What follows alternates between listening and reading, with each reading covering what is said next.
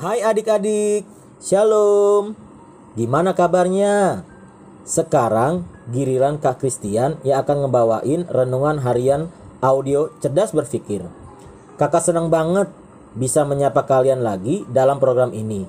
Kakak berharap pikiran kita semakin diisi oleh kebenaran firman Tuhan ya. Kita masih ada di edisi ke-10 firman atau ke-10 perintah ya. Kak Christian mau ulang sedikit nih. Perintah pertama sampai keempat adalah hukum yang mengatur dan mengajarkan manusia harus mengasihi Allah.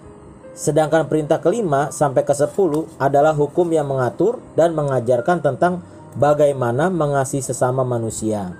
Nah, kali ini Kak Christian akan ngebahas tentang perintah ke-8 nih.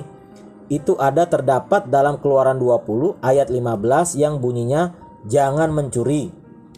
Adik-adik, Menurut Kamus Besar Bahasa Indonesia, mencuri adalah mengambil milik orang lain tanpa izin atau dengan tidak sah, biasanya dengan sembunyi-sembunyi. Ini adalah bentuk dari nggak mengasihi orang lain. Soalnya, mencuri itu sama aja dengan tidak menghargai milik orang lain. Nah, perintah ke-8 ini dibuat supaya manusia tahu menghargai orang lain dan dengan menghargai milik orang lain. Adik-adik, yang tadi Kak Christian bilang, mencuri adalah mengambil milik orang lain tanpa izin atau dengan tidak sah, biasanya dengan sembunyi-sembunyi.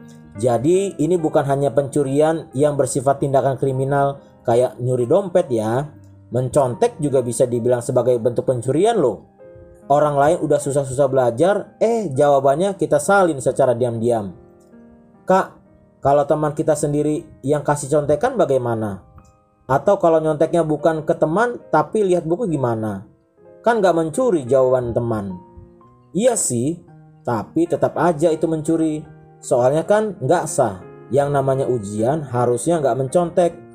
Dengan mencontek kalian udah melakukan hal yang tidak sah. Lagian nih ya, mencontek kalau diteruskan akan membentuk kebiasaan buruk. Mental kalian jadi rusak. Lama-lama kalian akan terbiasa berusaha melakukan hal yang tidak sah atau curang demi mendapatkan sesuatu yang diinginkan. Misalnya korupsi, polisi yang terima uang suap, dan masih banyak lagi. Adik-adik, Tuhan ingin kita hidup bahagia. Dia ingin kita menikmati hidup tanpa harus diganggu dengan kebiasaan buruk. Bila ingin kita menikmati hidup dari perjuangan dan usaha sendiri, bisa mengerjakan ulangan tanpa mencontek akan jauh lebih membahagiakan ketimbang mencontek. Lagi pula, pencurian dalam bentuk apa pun juga adalah bentuk ketidakju ketidakjujuran kan? Dan ketidakjujuran sama aja dengan menghina Tuhan. Amsal 14 ayat 2 berkata begini, Siapa berjalan dengan jujur, takut akan Tuhan, tetapi orang yang sesat jalannya menghina dia. So, yuk kita sama-sama belajar menghargai orang lain, oke? Okay? Yuk kita berdoa. Terima kasih Tuhan Pagi hari ini engkau mengajarkan kami untuk tidak mencuri. Karena mencuri adalah bentuk yang tidak menghargai orang lain, mengambil apa yang bukan menjadi hak kami. Ampuni kami Tuhan kalau kami melakukan kesalahan selama ini, biarlah kami mau belajar untuk tidak mencuri dan menghargai orang lain lebih baik lagi. Terima kasih Tuhan, dalam nama Yesus, haleluya, amin. Oke, tetap sehat, tetap semangat, dan tetap jadi berkat.